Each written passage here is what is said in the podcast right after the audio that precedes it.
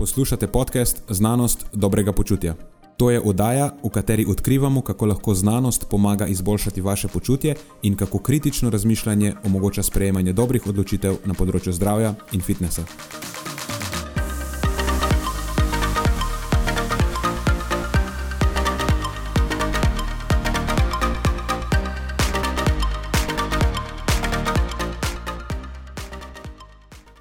Preden začnemo, pa se moram zahvaliti še našim sponzorjem. Zaenkrat to še vedno ni velika korporacija, temveč zvesti poslušalci, ki nam izkazujete zaupanje in podporo s prijavo v našo člansko skupino Znanost dobrega počutja. Hvala vsem, ki s tem držite luči prižgane in omogočate podkastu, da raste in postaja še bolj kakovosten. Hvala tudi vsem, ki nas podpirate s pozitivnimi komentarji in visokimi ocenami, ter s tem, da priporočate podcast svojim znancem in prijateljem. Zdaj pa je končno čas za začetek epizode. Uživajte ob poslušanju.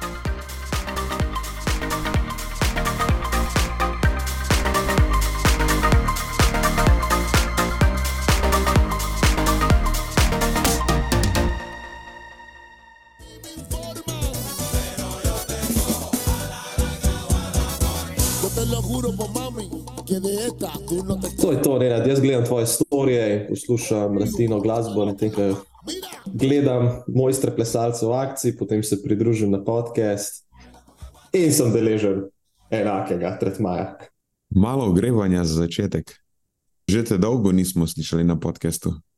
Uh, ja, res je, sta bili pa dve epizodi brez mene, pa ne vem, kdaj se je na zadnje zgodilo. Si imel kar odmora. bili že kakšni transparenti, prinesite Matjaža nazaj. Jaz nisem bil deležen ničesar, tako da po mojem nihče ni opazil. Ja, sej veš, to je dve epizodi maksimum, upam, brez, da se ne bi kdo pritožil slučajno. Ja, čeprav mislim, da je Mario kot co-host opravil odlično delo. Nisem Zadnjič- šel poslušati prejšnje epizode do konca. Ostavil sem se tam nekje, kjer eh, je Mario razlagal o tem, kako so mu za zajtrk tam le ministranti pripravili kruh z marmelado in čajem. Tako da nisem še tako daleč prišel. No. Ni bilo to čisto na začetku? Na začetku, ja. V svoj bran eh, pos- poslušal sem namreč par drugih epizod, eh, nekaterih drugih podkastov. eh, Ja, vem, blasfemi, ne, da poslušam še kakšne druge podcaste. Eh, V, v namen priprave za današnjo epizodo, eh, za odgovor na enega izmed vprašanj, ker je prišla ena, ena zelo zanimiva raziskava na neko specifično temo. In so potem avtori te preprint raziskave uh, bili gostje. Tako da me je zanimalo malce poslušati, malo razširim obzorja pred odgovarjanjem na vprašanje. Ok, ok. Deva zdaj, ker te tako dolgo že nismo slišali, začeti z aktualnostmi. Ja, aktualnega. Uh, Da počistiva mizo najprej. ja, kaj se zdaj dogaja, je, da eh, imamo poletje, mislim, da prvo poletje, kjer se malce bolj dogaja tudi pri nas, kot smo bili običajno vajeni v teh mesecih. Običajno so poletni meseci tako malce bolj uh, dopustniško obarvani in potem je tudi precej manj naših varovancev, ampak letos uh, je zgodba mučkan drugačna, vse se precej dogaja pri nas. Uh, to je ena stvar. Druga stvar, ki se dogaja v ozadju, je pa to, da mi dva z Nenadom finiširava eno novo znanstveno raziskavo, to je zdaj v čistih tistih zaključnih fazah. Uh, zahteva še tisti zadnji puš, Uh, mislim, da si bova potem enkrat vzela čas, ko bo ta zadeva dejansko v etru, da tudi to razdelava v nulo. Uh -huh. Uh, ampak to je, mislim, da bolj kot ne to, kar se dogaja pri nas od aktualnosti. Torej, business as usual, bi nekateri rekli. Raziskava so pa nitrati. tako, tako. Dobro, mislil sem ne samo, kaj se dogaja tako ne v vsakodnevnem življenju, če te je kakšna stvar zaintrigirala na internetih. A je karkoli, kar bi nam želel eh, se tukaj razliti? Ah, kaj pa vem, niti ne. Razen uh, teh aktualnosti, ki ste jih že vidva nekaj omenjala, nekaj svojih midva, eh, zelo, zelo na kratko vezano, recimo na tisti aspartam, obdelala, uh, bolj kot ne pa to, to razen tega dela vprašanja, ki sem že namignil o njemu, to je recimo ena ta uh, raziskava, je prišla, ki bi rekla, da je najbolj vroča ta trenutek v, v, v znanstveno-raziskovalnih vadbenih krogih. To je tisto, kar me je nekako najbolj zaintrigiralo. Iskreno, od vsega ostalega sem se malce bolj oddaljil. priprint je še ta trenutek od uh, no, bodočega dr. Zeka Robinsona, to je iz uh, tega uh, dr. Mike Zordosovega uh, kroga raziskovalnega, ki se ukvarja z treningom do odpovedi. To je ena taka serija metaregresij. Ok, v redu. Drugač pa, zdaj si me spomnil na eno stvar, na neko temo, o kateri so se že v preteklosti pogovarjala, omenila sva, da mislim, da smo omenila, da bo potekala raziskava o tem, torej pri preteklih uporabnikih anabolikov. Uh -huh. Obstajajo neke prilagoditve, ki ustrajajo tudi leta potem, ko se z uporabo preneha. Uh -huh. In to so Nilsen in sodelavci z naslovom Higher Myonuclei Density in Muscle Fibers Persist Among Former Users of Anabolic Androgenic Steroids. In so ugotovili, da višja gostota teh myonuclei, celična jedra v mišičnih celicah, a imamo kak krajši prevod za to. Ne, to se sliši on point.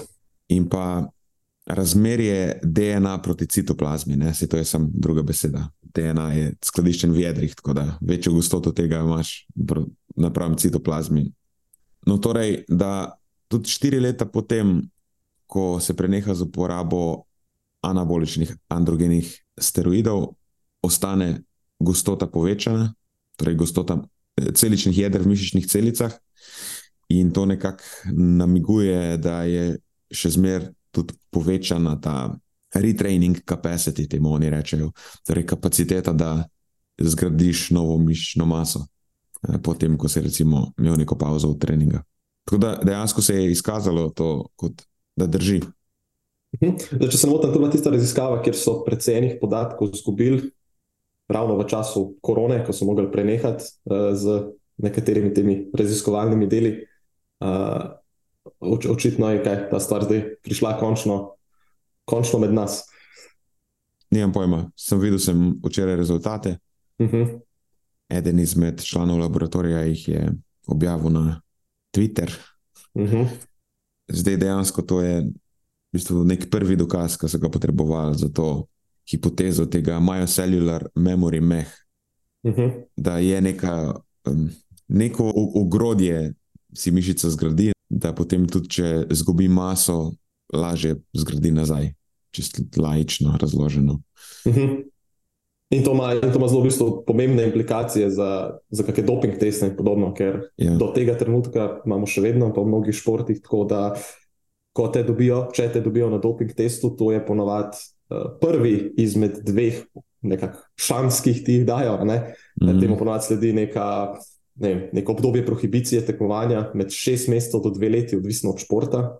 Uh, dočim to bi v bistvu nakazovalo na to, da če te enkrat dobijo, veš, to pomeni, da imaš neke prednosti za, ok, očitno vsaj štiri leta, potencialno pa celo za dlje časa ali pa do konca življenja, kar pomeni, da najbrž, če te enkrat dobijo, bi bilo bolj smiselno, da največ nikoli več ne smeš tekmovati, varianta. Ne?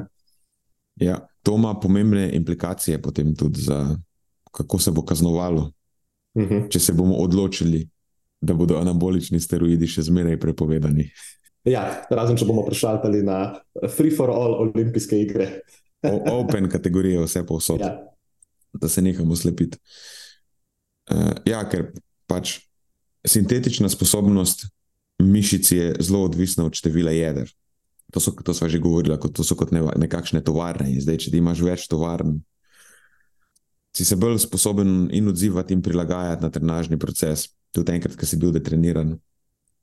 Tukaj sicer so samo štiri leta, to so preverjali, ampak imamo druge dokaze, ki nekako kažejo, da ta jedra kar ustrajajo, tudi desetletja. Uh mhm. -huh. ja, zanimivo spremljati, ne? če se kaj spremenijo zdaj pravila za doping teste in regulacijo na podlagi takih in podobnih raziskav. Ja, verjetno za nekaj bolj to, da se bodo zdaj pravila spremenila, bo potrebna še kakšna raziskava, ne bodo jih šli sem na, na podlagi ene. Mm. Spreminjati, ampak ja, meni se zdi, da bo spremenilo zadeve, ker kaj narediš z nekom, ki je uporabil nekaj prepovedanega, če mu to daje prednost za celo življenje, ne samo takrat, ko uporablja. Uh -huh. A lahko tle še eno usporednico izpeljem, mogoče malce kontroverzno. Oj, Transgender športniki. Ne, Zdaj se pogovarjamo o tem, da uh, imamo prehod iz veš, ene spol kategorije v drugo, dočim veš večji delež svojega življenja, vsaj tistega pomembnejšega v kontekstu rasti in razvoja mišično-skeletnega sistema, preživiš kot veš, močnejši spol, moški. Svet to ima Ja. implikacije med drugim, ki te nosijo do konca življenja, ne sam, eh, samo zato, ker si prekinil, pa spremenil, se nič ne spremeni v tem kontekstu. Ne? A, in Ja. tudi zelo dobro vidimo pri nekaterih športnikih, kako, uh, kakšen prehod potem naredijo in, in uh, kakšne rezultate potem dosegajo na tem naslovu. Ja, mislim, to, da bivšim moškim, ki so se zdaj odločili postati ženske, da voliš tekmovati v ženski kategoriji, je itak absurdno. Tu- Tukaj govorimo o enem, mogoče parih ciklih Uh -huh. u- uporabe hormonov. To pa govorimo o desetletjih. Ne samo to, tam govorimo o veš, organizacijskih spremembah, ki niso povratne sploh. ja, točno to. To je še drugih, ne samo o tem, kako dobro se prilagajaš na trenažni proces v smislu mišične mase, ampak vse ostalo, ki je za šport pomembno. Lej, rešitev je enaka. Open kategorija, Uh -huh. To bi bilo po mojem še bolj gledano. Pa tudi nehamo si lahko lagati, da sodobni šport, ki ga gledamo na TV, pa za katerega grejo milijoni, milijarde včasih, je karkoli drugega kot sodobno gladiatorstvo. Uh -huh. Toliko o tem. Drugač pa, jaz imam še dve aktualnosti. Slušam. Eno je o kreatinu, tudi o tem smo se že pogovarjali, ampak takrat ni bilo dobrih dokazov o tem, da je dodajanje kreatina nekaj, kar bi lahko bilo koristno v smislu kognitivnih sposobnosti, sploh, sploh ohranjanja kognitivnih sposobnosti, določenih aspektov teh, kasneje v življenju, ko načeloma te stvari začnejo upadati. In, in bil je objavljen čist svež sistematičen pregled z metaanalizo, Prokopidis in sodelavci, o učinkih kreatina na spomin pri zdravih posameznikih. Sicer osem randomiziranih raziskav je samo vključenih z odmerkom tam nekje nad 2 do 20 gramov na dan, v trajanju 5 dni do 24 tednov. In so ugotovili, da dodajanje kreatina načeloma izboljša rezultat meritev sposobnosti spomina, torej domene spomina pri zdravih posameznikih. In to je skupen učinek na splošno, ne glede na starost, je bil standardizirana povprečna razlika nič cela, nič cela 29, to je ne zelo močen učinek, to je glih na meji srednjega učinka. Uh -huh. Je Pa zanimivo, da so potem pri analizi podskupin ugotovili, da pri starejših odraslih, to je 66 od 76 let, je ta standardized mean difference nič celih 88, kar je močan učinek. Okay. Zanimivo pa je, da pri mlajših ni bilo značilnega izboljšanja, ampak to nekako ni nepričakovano. Sej, mlajši načeloma, načeloma imamo vsi spomin tak, kot ga imamo, in ni pričakovati eh, res nekega izboljšanja, če nimaš nekaj, kar je znano tropik, no, kako bi rekla, nekaj, kar ti da več spomina napram sposobnostim, ki jih imaš. Tukaj verjetno gre za to, da pač se spomin bolje ohranja, če dodajaš kreatin. In lahko pričakuješ močan učinek takrat, tisti dobi življenja, ko načeloma spomin upada. Ni pa bilo vpliva pri spolu, pa geografskem poreklu. To so še vključili v analizo podskupin. Tako da evo, imamo en, ne vem, če bi rekel zelo soliden, ampak je en semi-soliden nov dokaz, da je smiselno suplementirati kreatin, kot kaže, vsaj v starosti. Uh -huh. Ja, uh, ja tako kot si rekel, nekako eh, ni nepričakovano, da pri mlajših ne zaznamo tako velikega učinka. Čeprav bi rekel, da že ta učinek, ki si ga omenil za mlajše, v bistvu ni tako majhen. Bi- Jaz osebno bi pričakoval, da je bila ta številka še precej nižja. Uh, Učinek pri starejših pa je zelo izrazit. Ne, pri mlajših v bistvu ni bilo učinka, skupno je bil učinek. Torej, Aha, skupno, ok. ja. Zdaj, veš, ta skupen učinek je tudi lahko na račun starejših. Ja, razumem. Pri raziskavi na starejših, tudi če greš pogledat posamezne rezultate, vidiš, da je v bistvu samo nekaj posameznih raziskav, ki uporabljajo predvsem starejše, tistih, ki so tudi za skupen učinek Mhm. nekako zaslužne. Še enkrat, zdaj, na podlagi tega, še zmeraj. Ne, ne morem reči, da, to, da je to neka zelo, mislim, ne bi si upal reči, da je to ne, še, še zmeraj neka zelo vplivna stvar, ampak veš, kako je pri, pri prehrani, malo po malo. Ja. Ja, ja, malo po malo.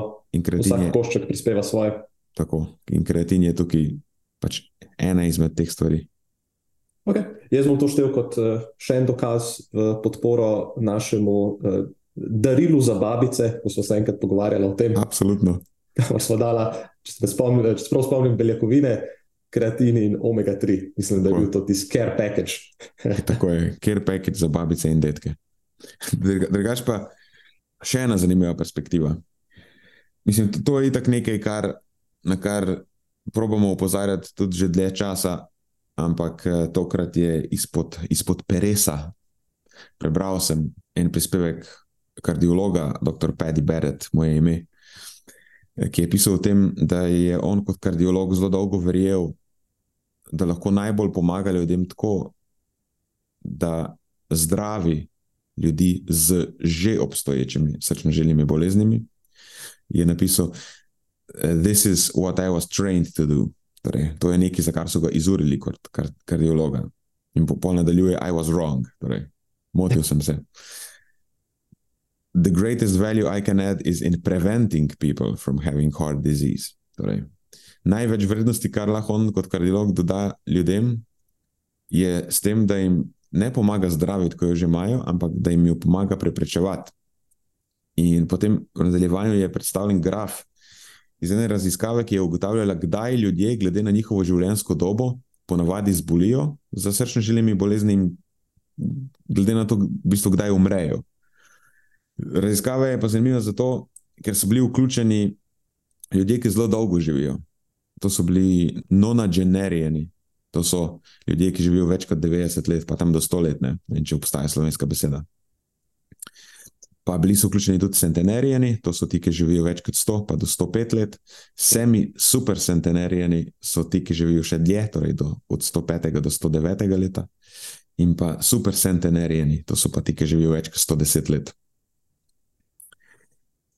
In je bilo pokazano pri teh skupinah ljudi, da ne zbolijo zelo zgodaj, ampak recimo ljudje, ki živijo med 90 in 100 let, pri večini se pojavi srčno-žilna bolezen šele pri 85, torej zelo pozno. Pri teh, ki živijo še dlje, pa po 90 letih. Ne.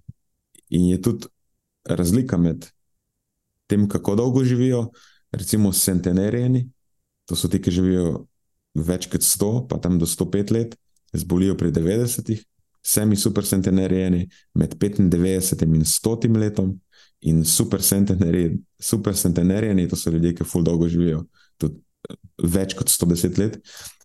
Pri njih ponavadi srčno-žilno bolezen zaznajo ali pa se začne kazati z nekimi hujšimi znaki šele med 100 in 105 letom.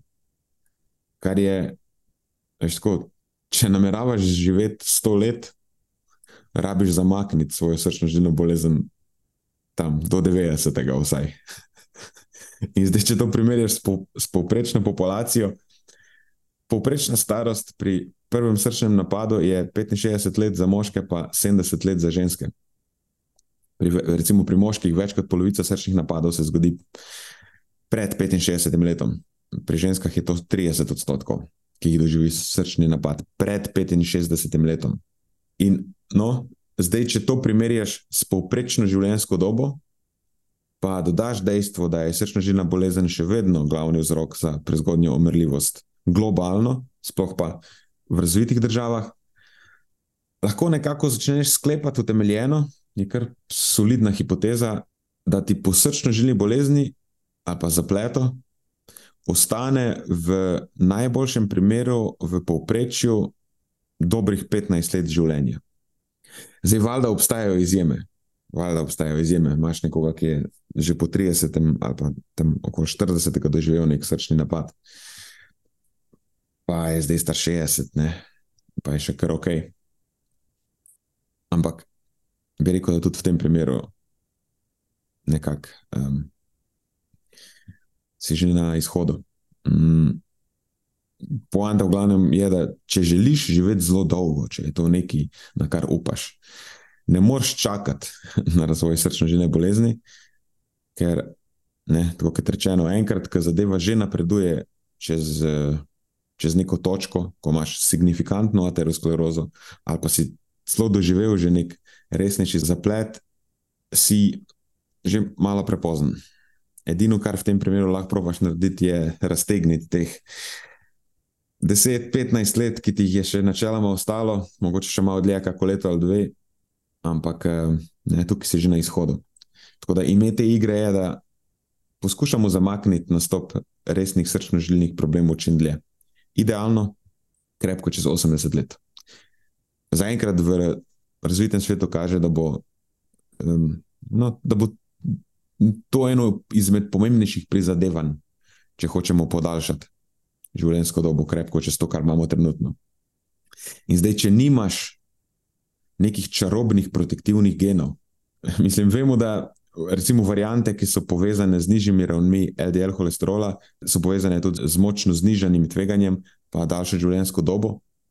V tem primeru so ljudje, recimo, veliki prednosti. Zdaj, če pa nimaš teh čarobnih genov in želiš vseeno živeti zelo, zelo dolgo, potem pa tudi dr. Beret zaključi na koncu v tem svojem zapisu, da e, to so zdaj njegove besede, da se moraš dokaj obsesivno in agresivno fokusirati na minimiziranje dejavnikov tveganja za srčno-žilne bolezni in to, kar se da zgodaj. Idealno, takoj, ko se rodiš. Enostavno nima smisla čakati. In to bi bilo kar in line s tem, na kar so tudi že mi dva, oziroma mi, večkrat opozorili na podkastu. In v tem pogledu, ne, kaj bi bilo najpomembnejše, da vemo, kakšne so koncentracije tvojega LDL holesterola, kakšna je tvoja telesna masa, koliko si telesno dejaven, kakšen je tvoj krvni tlak. To so stvari, ki so relevantne v tem primeru. In če karkoli od tega odstopa, že recimo v zelo zgodaj v tvojem življenju, to so tudi stvari, ki nimajo iz danes na jutri neugodnega učinka, ampak je učinek nekako kumulativen. Um, ko so te stvari izven nekih referenčnih vrednosti, zdravih vrednosti, je to obremenitev na sistem, tako si lahko predstavljaš. In dlje kot si pod obremenitvijo, hitreje se bo, se bo to izrazilo z nekim neugodnim izidom.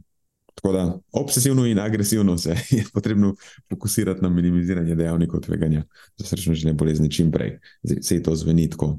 Um, ne maramo besed agresivno in obsesivno tukaj sicer, ampak veliko ljudi se s tem sploh ne ukvarja, dokler že ni prepozno. To se hoče reči. Mhm.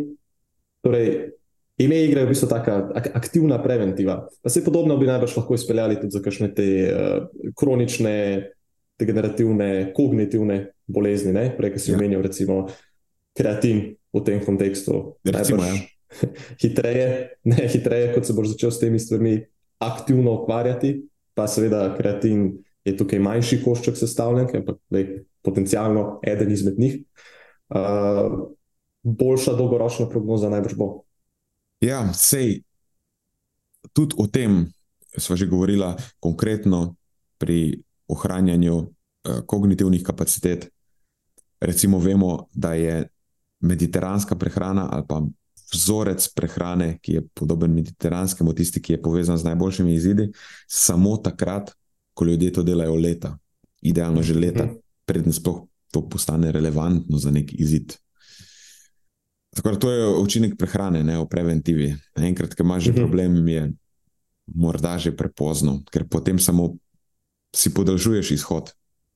Ja, Vse to, kar si omenil, recimo agresivno, obsesivno. Mislim, da v praksi to dejansko samo pomeni, da veš, mislim, si dosleden pri teh ključnih točkah. Ja, se to vemo, je mišljeno. Ja. Pa da po drugi strani ne mečeš pod preprogo stvari, kot so, ej, veš, ne vem, sem v srednjih letih, imam povišen LDL, ah, se to ni več tazga varianta. Ne, ni, veš, je, treba je to resno imati, ne, ne kar zanemarjati teh stvari. malo bolj agresivno se jih loti, pa malo bolj, uh, malo bolj dosleden bodi pri tistih stvarih, ki veš, da, da nosijo koristi na tem naslovu. Ne jih samo uh, metati pod preprogo. Tako je. To je to z moje strani, kar se tiče aktualnosti tega tedna. Ok, zelo mešano na žaru, od anabolikov do želim bolezni.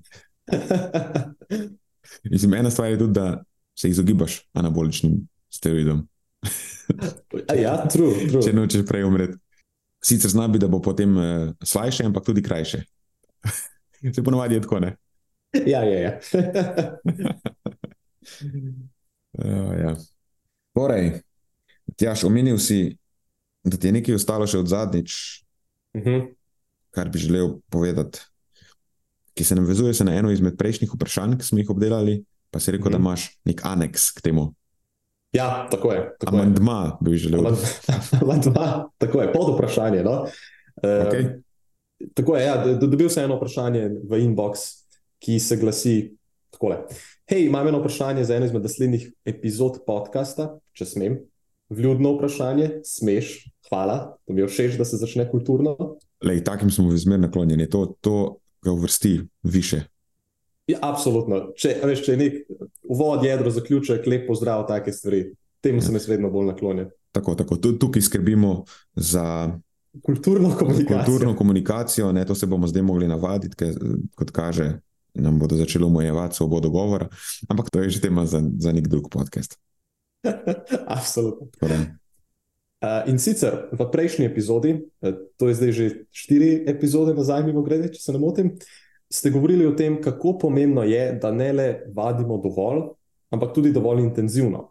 O tej temi sem slišal že ogromno. Od tega, da nekateri pravijo, a, da je nujno potrebno trenirati do popolne odpovedi, b, drugi pravijo, da lahko treniramo par ponovitev pred popolno odpovedjo in še vedno prejmemo bolj kot ne vse koristi treninga za moč.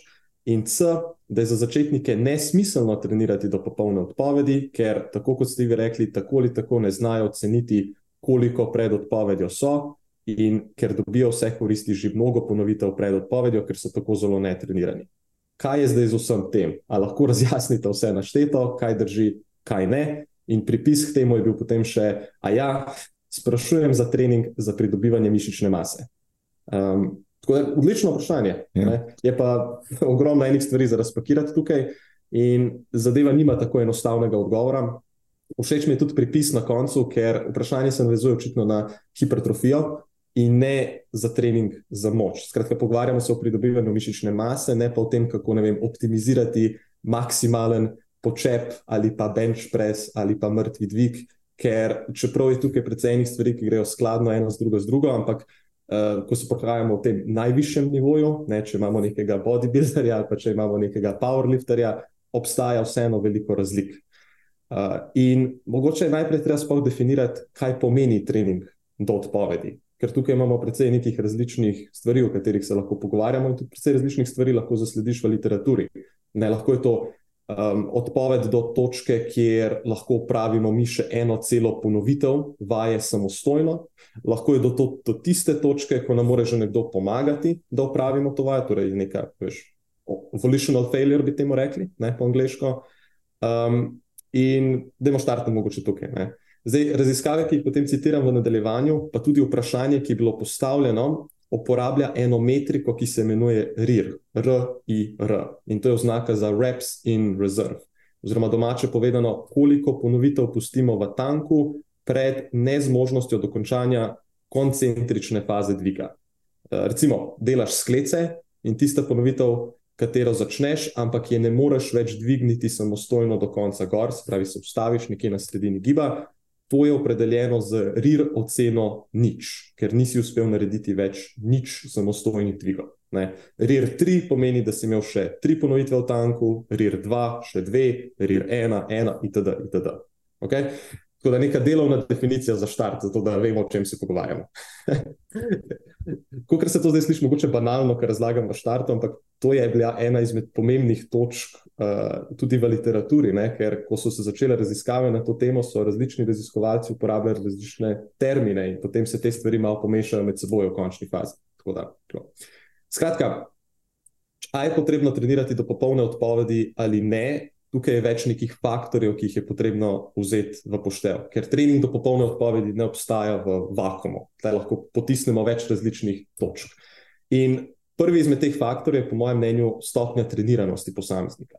Drži, da manj trenirani posamezniki rabijo manj intenziven trening, ali pa mogoče drugače rečeno, lahko si privoščijo trenirati dlje stran od popolne odpovedi in še vedno žanjejo bolj kot ne vse koristi treninga spremeni, samo zato, ker so tako zelo netrenirani. Njihove telo je ena taka spužva, veš, vse vsrka vase. Ampak to je učinek, ki traja omejen čas, običajno tam nekje med prvimi tremi do šestimi meseci neke strukturirane vadbe z bremeni. To je tisto, kar običajno zasledimo v literaturi. Anekdotično tudi drži, vsaj po mojih izkušnjah ali pa po naših izkušnjah, da novinci v fitnessu izjemno slabo ocenjujejo subjektivno dojemanje utrujenosti tekom vadbe, oziroma so izjemno slabi v ocenjevanju tega RIR, ki sem ga prej omenjal. A, a je tako, ne, vsaj jaz imam take izkušnje. Ja, mislim, na, načeloma se ne poznaš, ko začneš. Ne -huh. veš, kje so tvoje meje, in pol ne moreš vedeti. Ne, nimaš ni, reference. Ni, ja, ni, nimaš reference, ni zdaj, da nočeš ali pa se izogibaš, ampak enostavno ne veš točno, kje je meja. Uh -huh. Dejansko ja. moraš še mogoče parkrat prestopiti, tudi terja nekaj izkušnje od tebe no, v treningu. Tako. In, in o tem smo se tudi zadnjič pogovarjali. Ne? Sem dal tisti primer, kako se mi občasno zgodi, da, da probam posameznika, a veš, sam pripeljati do te točke. Ne? Dam neko izbrano breme, ki se mi zdi primerno, naredi deset ponovitev, ok, ima dosti, nareče tri, nareče dve, nareče dve, kraj enkrat ugotovimo, da je bil res daleč, daleč stran od odpovedi. Uh, tako da bi bilo v bistvu precej zanimivo, da tega opažanja ne potrjuje ena in edina meta-analiza, ki jo imamo na tem naslovu, to je od Halperinja in sodelavcev, sicer je to uh, raziskovalni laboratorij od Jamesa Stila, se ukvarja, sem precej prolifičen avtor na tem naslovu. Naslov meta-analize je pa Accuracy in Predicting Repetition to Task Failure in Resistance Exercise, a Scoping Review and Exploratory Meta-analysis. Tukaj so vključili 12 različnih raziskav na to temo, skupaj več kot 400 udeležencev, In raziskovalci ne poročajo o neki statistično značilni razliki pri ocenjevanju RIRA in stopnjo treniranosti posameznika. Meni se to iskreno zdelo precej nenavadno, ampak v bistvu niti ni, no, ko bomo prišli v nadaljevanje, uh, ker kakšna je ta definicija RIR, pa kako smo recimo mi to zadnjič definirali, potem te stvari prijeta nekako malo bolj skladno, druga z drugo. Uh, ena stvar je pa tudi ta, ne, neka razlika je bila sicer opazna, kar bi res rekel, da je opazna v resničnem svetu, ker takoj vidiš, da tistih par ponovitev naredi razliko. Ampak očitno ni bila tako velika, da bi lahko prepisal neko statistično značilno vrednost. To je pa ta razlika raziskave versus real world. Ne? Uh, ampak, ok, kakorkoli že v tej meta-analizi poročajo, da ne bi posamezniki v povprečju podcenili RIR za manj kot ocena ena. Ne, to pomeni, da posamezniki pogosto lahko naredijo več ponovitev, kot so sprva mislili, in to v povprečju za približno eno ponovitev več, kot so sprva mislili. Ne? Je odvisno od uporabljenega bremena, običajno večje kot je breme in posledično manjše kot je število ponovitev, pa bližje kot je serija bila odpeljana do popolne odpovedi, boljša je načeloma ta ocena RIR in obratno velja.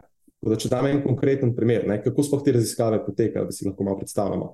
V bistvu posamezniki dobijo za njih neko primerno breme po tisti prvi rundi ocenjevanja in uh, morajo dvigniti to breme pri neki izbrani vaji. Običajno je to kakšen leg press, nekaj, kar je malce bolj stabilnega, lažje kontroliranega in podobno.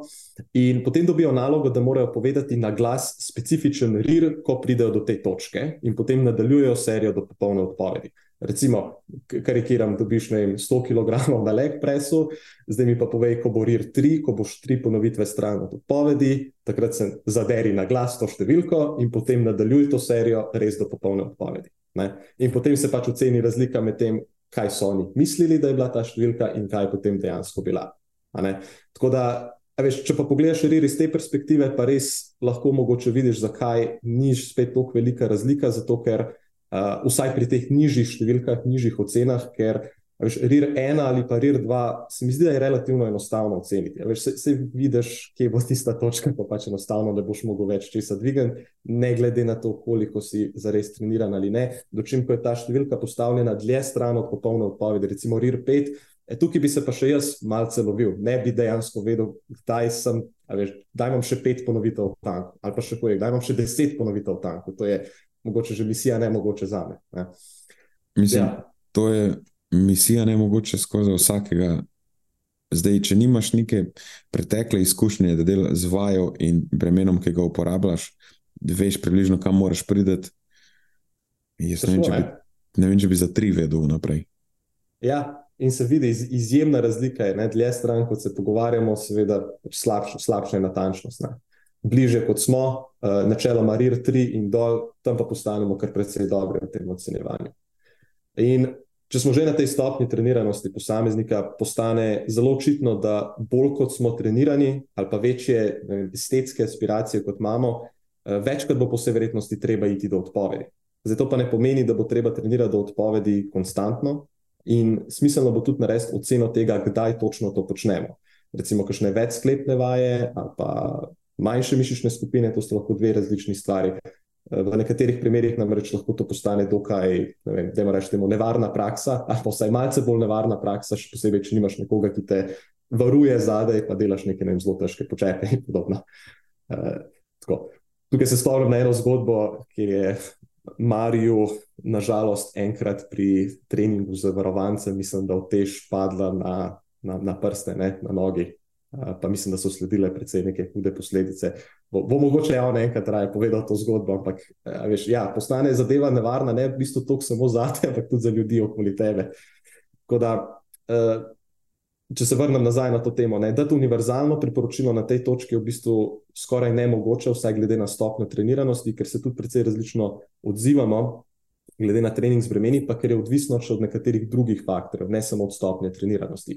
In točka številka dva, ki prepelje do tega, je volumen treninga. Uh, volumen treninga, oziroma uh, večji volumen treninga, pomeni samo večje število opravljenih serij na tedenski bazi za določeno mišično skupino, kar je v praksi za nas, navadne smrtnike, mislim, da zelo pogosto pogojeno, predvsem s tem, uh, kakšno imamo časovno kapaciteto, ker če lahko pogosteje si privoščimo iti na trening, to ponavadi pomeni tudi večji volumen treninga. In večji volumen treninga uh, je očitno povezan tudi s tem, ali rabimo tako pogosto trenirati do popolne odpovedi in ne. Večji volumen treninga namreč nakazuje na to, da si lahko uh, večkrat privoščimo, ali pa si morda celo moramo privoščiti, trenirati malce dlje stran od popolne odpovedi v namen boljšega menedžiranja uh, utrujenosti, regeneracije, napredka in tako naprej. To pa je vezano na tisto prej omenjeno preprint raziskavo, ki je v bistvu serija metaregresij na to temo, uh, od bodočega dr. Zeka Robinsona, mentoriranega strani dr. Mike Zordosa, izjemno, mogoče celo najbolj prolifičnega avtorja, ravno na naslovu Treninga do popolne odpovedi za hipertrofijo. Naslov, naslov članka pa je Exploring the Dose Response Relationship between Estimated Resistance Training Proximity to Failure, Strength Gain and Muscle Hypertrophy, a series of meta-regressions. Torej, to je ta uh, prej omenjena najbolj vroča raziskava v vadbenih krogih ta trenutek.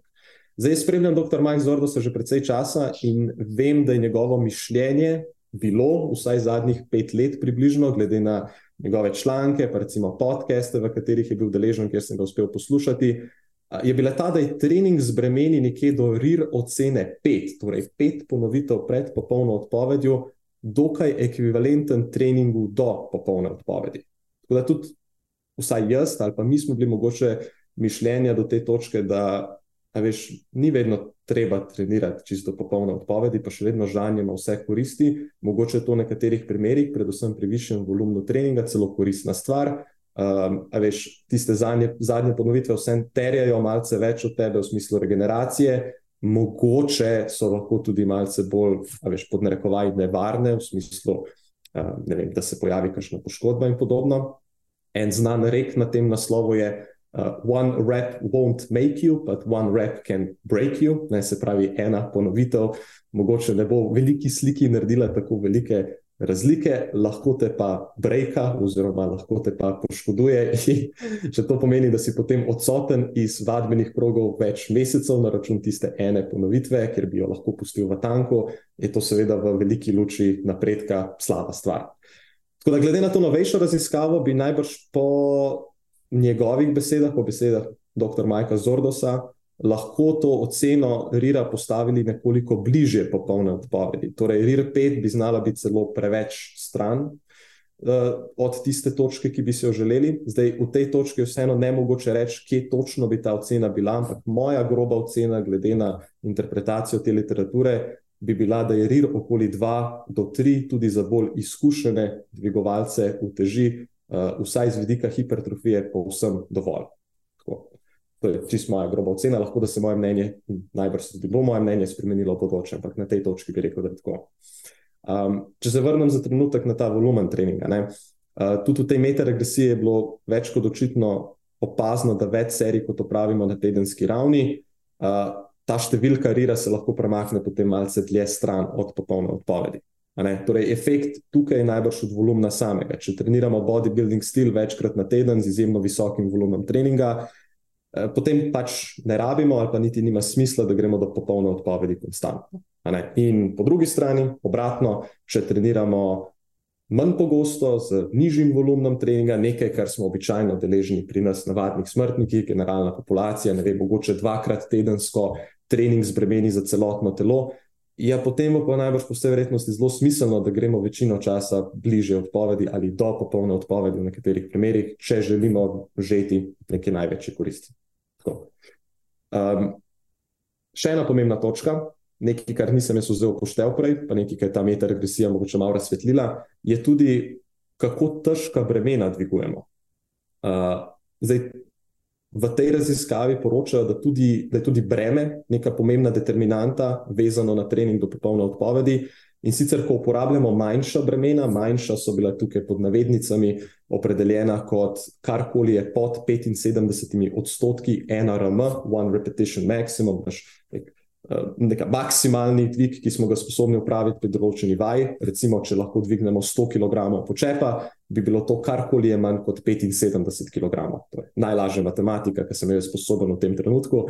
No, v tem primeru, če uporabljamo ta lažja bremena pod narekovaji, potem moramo trenirati bližje odpovedi, če želimo doseči enako mero hipertrofije, dočimo poraba višjih bremen, torej nad 75 odstotkov, one repetition maximuma, pa pomeni, da lahko ponovno treniramo dlje stran od popolne odpovedi. Obstaja pa tudi ta zadeva, če začnemo to stvar še malo bolj zakomplicirati, ker to radi tukaj delamo, radi zakompliciramo, kdaj stvari. tudi ta stvar obstaja na nekem spektru ne, v neki zlati coni, kar se tiče hipertrofije. Spet trening za moč ali pa trening hipertrofije, vse tukaj je malce drugačna stvar. Uh, očitno mogoče ni slaba stvar uporabiti više bremena, torej nad temi 75 odstotki, ena RMA, one repetition maximuma, če to pomeni, da ne rabimo iti do popolne odpovedi, ampak do neke točke, zato ker po vsej verjetnosti bremena nad približno 90 odstotki ena RMA, torej one repetition maximuma, naj ne bi bila ravno najbolj optimalna iz vidika hipertrofije.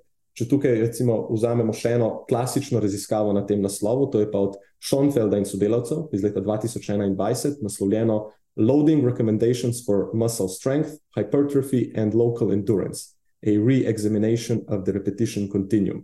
Ta raziskava je v osnovi nastala, kar jaz razumem, vsaj kot odgovor na ta klasična učbeniška priporočila, kjer vidimo, da veš. 8 do 12 ponovitev je nujno za hipertrofijo, karkoli je nad 15, to je že vzdržljivost, 1 do 3 ponovitve sta samo moč in nič drugega. Torej, tle so hoteli to zadevo spraviti v malo večji kontekst, uh, vezano na to, ker imamo že ogromno, ogromno literature na to temo, ki očitno še ni prišla v nekatere učbeniške kroge. No, V tem primeru so ugotovili, da je karkoli med 5 in 30 ponovitev zelo podobno iz vidika hipertrofije, dokler gremo do popolne odpovedi.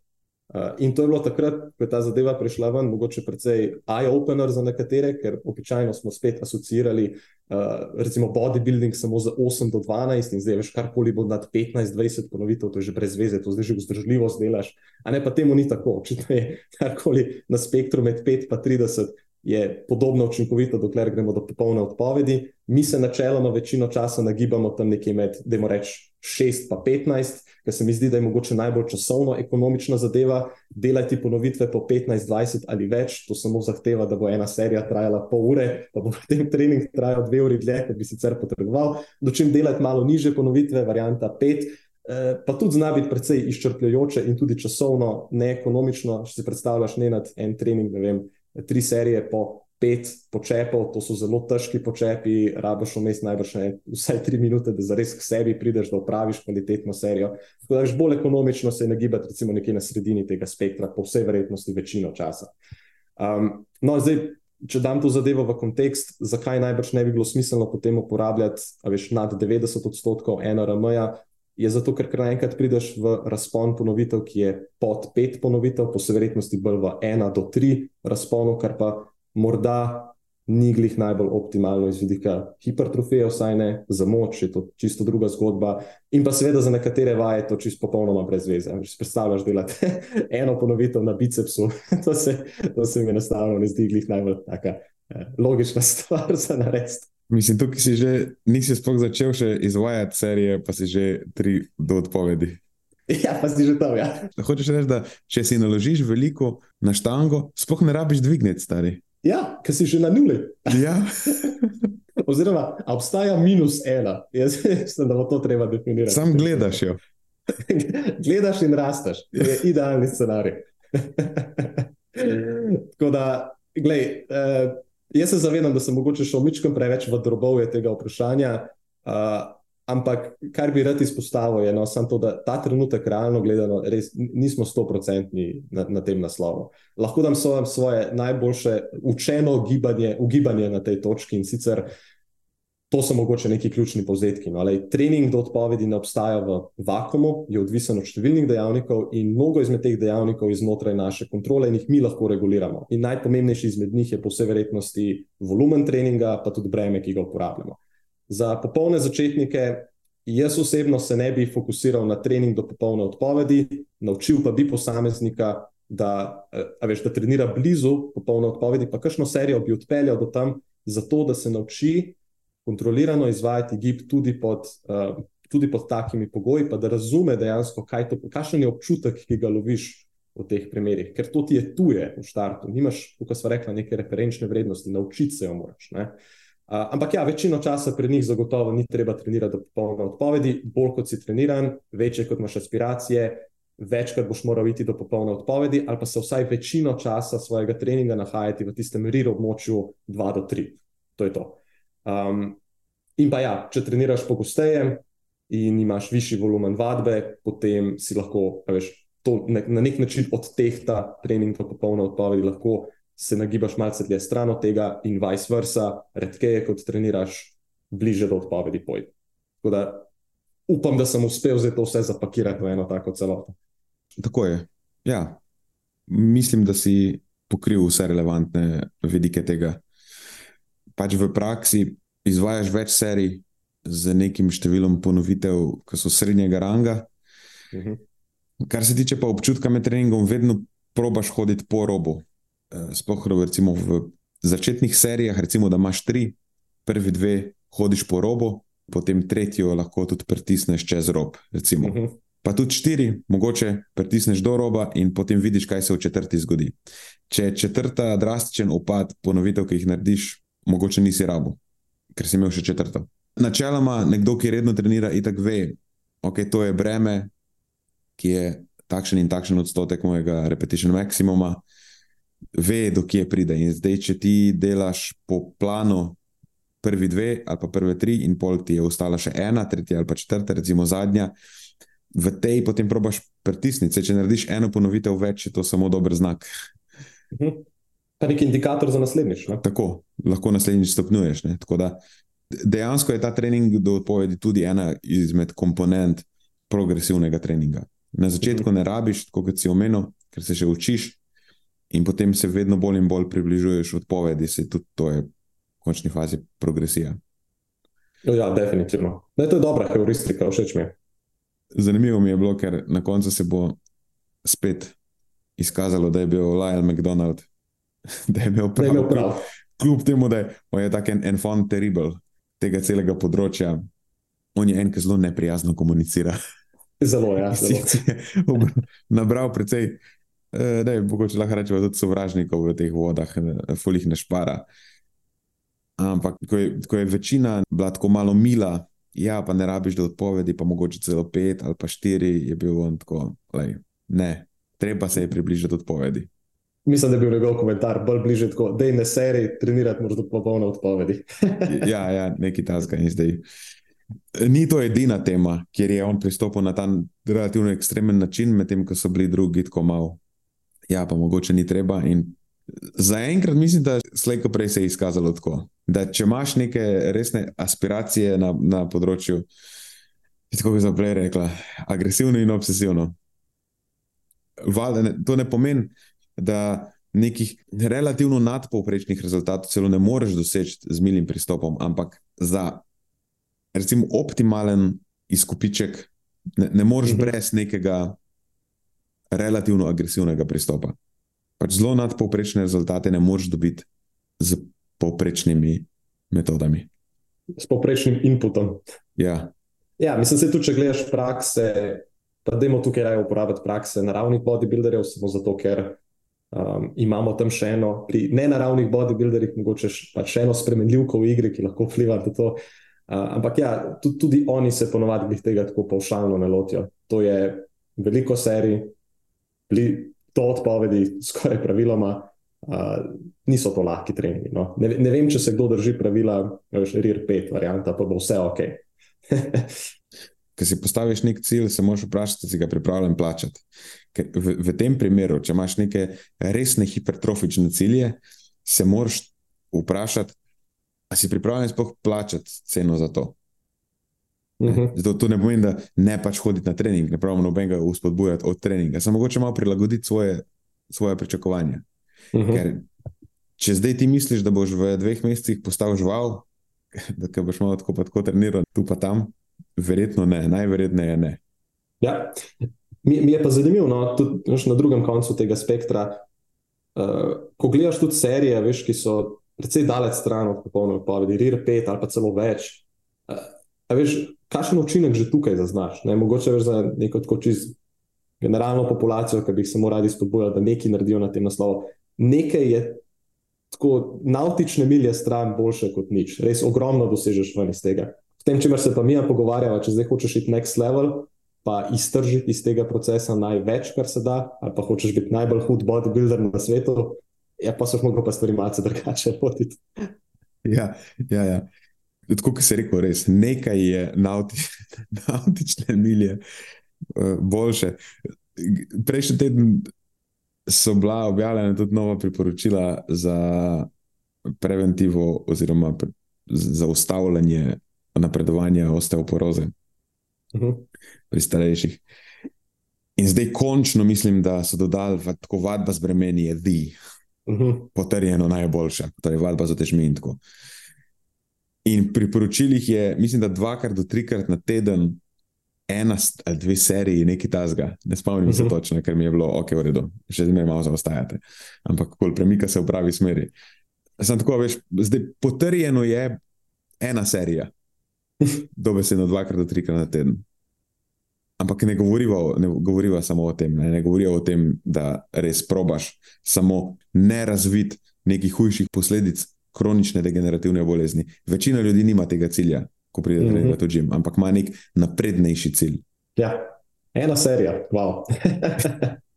ok, vidim, da imamo še nekaj stvari za izboljšati, ampak ok, premikamo se v pravi smeri. Ja, ja, ampak no, sej, nau, nauk tega je to, da če nisi nič delo, če lahko dodaš vsaj eno, dvakrat do trikrat na teden, si že Mhm. ful na boljšem. Ampak ne, ne boš pa najbrž rastel. Ne, v smislu ja, hipertrofije. Če imaš neke resne aspiracije, je precej enih dejavnikov, ki jih moraš upoštevati. Najprej, koliko časa si pripravljen v to investirati. Tako kot prej rečeno, v dveh mesecih ne boš nič naredil. To je nek eh, skoraj doživljenjski proces, konstanten napredek. Pa se moraš pa vprašati, koliko časa sploh imaš, kol- koliko serij lahko izvajaš. Verjetno bo tudi število serij, neko, ki ne bo gliha, veš, eh, zdaj zelo nizko. Mhm. Eh, Tako da skupen volumen, ki ga boš izvajal, in po potem znotraj tega je tudi ti ne uide ti trening do odpovedi. Vsaj del teh serij bo mogel biti blizu, če ne do odpovedi. Mhm. In uh, na koncu tudi je cost-benefit kalkulacija. Uh, ker s tem, ko se približuješ odpovedi, povečuješ določena tveganja. Pa ne nujno samo za poškodbo, ampak tako. Če skozi pritiskaš plin do konca, se znaš predvsem zmatrati preveč, tako čisto lajično povedano. Ja, točno to. Veš, po oceni, mislim, sej, za, za, večino, spet, za večino izmed nas, navadnih smrtnikov, lej, ta, ta trening veš, ne obstaja v vakumu. Moraš upoštevati, kaj se ti dogaja v življenju. Takrat. Eh, Če imaš ogromno enega stresa, pa ne prespanih noči, pa tistih in drugih obveznosti, pa zdaj še tukaj pritiskaš na plin maksimalno. eh, Ja, ne samo poškodba, lahko se malo skuraš ne, na tem naslovu. Eh, Tvoje regeneracijske kapacitete na večjih področjih so pod vprašanjem. Zdaj, ker lahko bi rekla, da je vse čisto anegdotalno. Poglej, bodybuilderje, une, ki so največje živali, eh, vsi trenirajo do odpovedi, vse. Ja, sam vsi so tudi na anabolikih. Pa po vsej verjetnosti živijo za to. To jim je, to jim je služba, lahko veš na nek način. Ja. Se enako velja tudi za druge športe, ne samo za bodybuilding. Trening, verjetno- spanje, hrana, to je to. Tako, in verjetno res, res lahko optimiziraš rezultate na ta način, če greš vsako skoraj do odpovedi, da jih lahko Mhm. izvedeš v predpisanem volumnu. Samo vprašanje je, če na dolgi rok lahko vedno vzdržuješ to. Točno to. Lej, Ja, tukaj pa tudi mogoče prejemaš do nekih aspektov, ne vem, potencijalno periodizacije, če vse imaš neke više aspiracije, ampak veš, imaš neko zelo zahtevno uh, službeno življenje in podobno, mogoče prejo neko obdobje, ki se ti ta zadeva malo sprosti, pa takrat malo bolj stisneš po plinu in tako naprej. To je zelo individualna stvar, da bi se najbrž lahko pogovarjala še pol ure samo o tem. Ja, mislim, to je problem. Hashtag optimizacije vse povsod. Ja, ja. Ko optimiziraš eno stvar, po definiciji druge stvari morajo trpeti, tako. ker si vse tako, resurse vložiti. Ja. Tako da, tako. Vse si podredil temu v tistem trenutku. ja. Če na to nisi pripravljen, nima smisla optimizirati. Exactly. Bolj naredi good enough. Pa bodi dosleden pri good enough, predvsem to doslednost. Uh, Mislim pa, da na koncu ta doslednost je še vedno nekaj, kar ubije vse ostalo. absolutno. Mislim, meni je zelo žal, da nimamo enega zelo konkretnega priporočila, ki bi rešilo vse težave. ja, lej, tako pač je. Hmm. Čas se nam počasi izteka, a malo še mogoče za eno vprašanje. Deva praviti biti hitra. Vprašanje, ki ga imamo, je o vlakninah. Zanimivo vprašanje. Torej, preš, prešaltamo nazaj na prehrano. Vprašanje gre tako. So vlaknine iz sadja podobne vlakninam iz zelenjave do take mere, da sta skupini živil iz tega vidika zamenljivi? Če torej pustimo energijsko vrednost ob strani, dajmo reči, da ima oseba velik energijski budžet in je pripravljena kompenzirati druge, ali lahko svoj vnos zelenjave nadomesti z vnosom sadja? To je konec vprašanja. Zdaj, prva stvar je ta, da vprašanje je z vidika vlaknin. Generalno jaz ne bi jih mogel reči, da ne rabiš jesti zelenjave, ker razlika med sadjem in zelenjavo ni samo v, ni samo v vlakninah, ampak recimo, da se osredotočimo samo na vlaknine v tem primeru. Um, kratek odgovor je, da v bistvu, ja, če so tvoj cilj samo vlaknine, ne rabiš jesti zelenjave. Ampak, da je da to razširim. Med mnogim sadjem in zelenjavo ni neke bistvene razlike, ko govorimo o vlakninah. Veš, obstaja neka botanična razlika med sadežem, pa listi, pa stebli rastline. Zdaj pač v botaniki, bota, botanika je veda o rastlinah, tam rastlino razdelijo na dele, glede na funkcijo. V prehrani pa nas pol primarno zanima, kako to uporabljamo v prehrani, pa kakšna je hranilna vrednost tega. In ni vedno tako, veš, clear cut. Doskrat pride do, do zmede, ko se mešata botaničen izraz sadež in pa prehranski, pa, pa rečemo temu kulinarični izraz Mhm. sadje. Pač, v botaniki sadež pomeni dozorelo jajčece v stanju semenske zrelosti cvetoče rastline. Zdaj, po domače, to je nek plod, ki nosi semena cvetočih rastlin. Fruit of the flowering plant Wow, kako Je romantično. je po angliško. Zdaj v prehrani ali pa v kulinariki je pa sadje tisto živilo, ki je sladko, pa mesnato. Zelenjava je pa tisto živilo, ki je bolj tak, rečemo temu, bolj vodeno, ampak predvsem vlaknasto. In ponavadi je tako, da so sadeži, botanično, sladki pa mesnati in jih uvrščamo v prehrani med sadje. Deli rastlin, ki so pa vlaknasti, pa niso sladki, pa so v prehrani zelenjava. Ampak ni vedno tako. Imáš tudi živila, ki so botanično sade, sadeži, pa so tudi precej mesnati, ampak jih v prehrani vse ne uvrščamo v kategorijo sadja. Recimo buča, paradižnik je klasičen primer, mogoče tudi kumara, pa paprika, če, uh -huh. se, že, če prav tukaj se že nagibamo, pa glovodenemo, pa vlaknastemo, ampak veš. So sadeži tehnično, saj niso sadje. Uh, tako da v glavnem vsak semenonosen plod cvetoče rastline je sadež, ni pa vsak sadež tudi sadje. In zdaj, če se vrnem nazaj na vprašanje, ja, razlika med sadjem in zelenjavo je več ali manj bolj botanična, prehransko gledano, pa ni velike razlike, spoh, če nas, zanima samo, če nas zanimajo samo vlaknine. Z vidika energijske vrednosti, ne, to govorimo o par deset kilokalorijah razlike pri zelo sladkih, ponavadi tropskih sadežih, je mogoče edino bolj signifikantna. Večina zelenjave pade v skupino 10 do 40 kalorij na 100 gramov, večina sadja 30 do 60 na 100 gramov. Ni signifikantne razlike. Ne, dejansko ne. Še te meje se krešajo med seboj. Ja, razlika je čist pragmatična, da sadja lahko poješ več, ker je sladko. Večja razlika bi mogoče bila edino, kot pravim, pri tropskih ali eksotičnih nekih teh sadežih, ki so zelo sladki. E, mogoče tudi pri nekaterih domačih, kot grozdje ali pa fige, če jih smatra za domače, drugače bolj kot mango, ananas, mogoče tudi kaki, definitivno banana. Ne, tam, to, so, to je sadje, ki ima 50 pa tudi do 100 kalorij uh -huh. na 100 gramov, še zmerni drastična razlika, ampak je pa opazna, sploh če uživaš večje količine tega. No, zdaj pa nazaj, kar se pa tiče vlaknin, je pa spet, gledaj, že generalno so rastline vedno, pa deli rastlin vedno neka mešanica različnih tipov. Je pa res, da je v zelenjavi ponavadi več netopnih, neviskoznih, pa slabo fermentabilnih vlaknin, sadeži pa so bolj vir topnih, pa bolj viskoznih, pa bolj fermentabilnih vlaknin.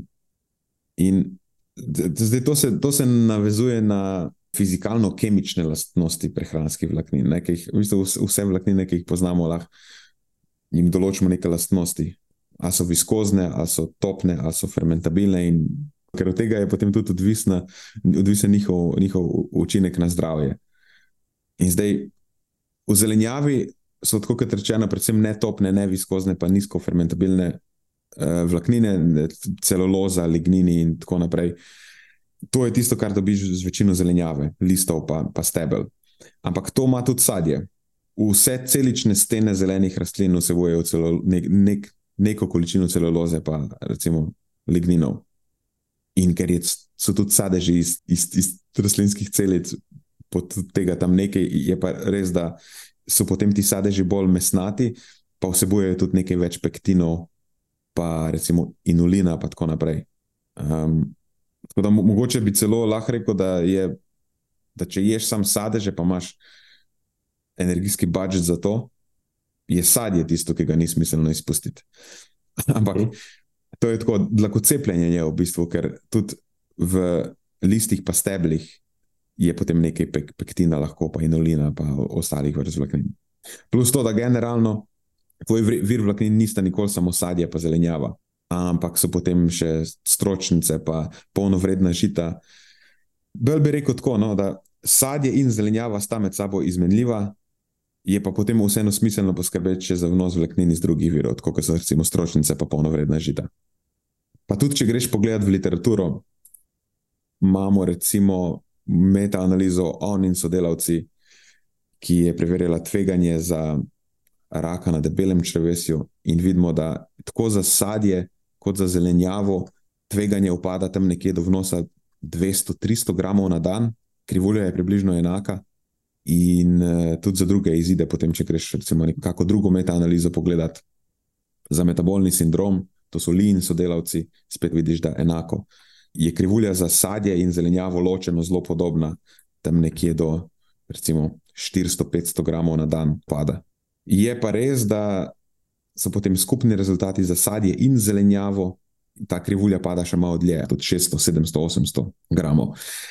sadje in zelenjava sta, sploh če te res zanimajo samo vlaknine, precej izmenljiva. Bi pa rekel, da vse neka splošna prehranska priporočila, mislim, da ni glih najbolj smiselno reči, da ok, ne rabiš jesti več zelenjave. Je še fulno enih drugih stvari, ki jih je potrebno, uh, potrebno upoštevati. Ja, ja, točno to. Tudi recimo vnos nekih drugih snovi z blagodejnimi učinki. Tudi vemo, da je neodvisno povezan z ugodnimi izidi. Se ne pravim, da sadje tega ne vsebuje, ampak je zelenjava bolj prominenten vir, ponavadi. Uh mhm. -huh. Plus, potem se na to so pa že namignila. Sadje lahko ješ več, tudi učinek na sitost je nekaj stvar, ki je velja upoštevati pri vsem tem. Načeloma ima sadje eh, manj močen učinek na sitost poravnavanja apetita kot, kot zelenjava. Uh -huh. Ne vem sicer, koliko je zdaj to praktično uporabno. Praktično uporabno. Hm. Ja, moj, moj praktičen takeaway bi bilo, kot so se že kdaj pogovarjali, da vključuje vse skupine živil, če se le da. Ne, nekaj najdi znotraj tistih skupin živil, ki ti ustreza, pa jih probej, kako to dosledno vključevati znotraj prehrano. V nekih teh skrajnih primerih, zdaj, če si tako omenil, da eh, če nas res samo prehranske vlaknine zanimajo, v redu, ste izmenljivi, ampak eh, tako, ne obstajajo glih te vlaknine v vakumu. Ne dobiš samo prehranske vlaknine znotraj teh dveh skupin živil, ampak še marsikaj drugega. Ok, to je to po mojem danes, Matjaš. Časa je zmanjkalo, naslednjič nadaljujemo po seznamu. Časa je zmanjkalo, vprašanj pa ne, tako ja. da gremo naslednjič v eter. Ampak vseeno, poslušalce še naprej vabiva, da nam pošiljajo vprašanja. Ki so kulturno formulirana v prvi vrsti, zanimiva, potencialno provokativna, to tudi pride hitreje na seznam. Tako. tako je, tako je. Vedno je vrstni red vprašanja odvisen od, od vljudnosti, postavljenosti vprašanja in njihove zanimivosti in provokativnosti. Tako.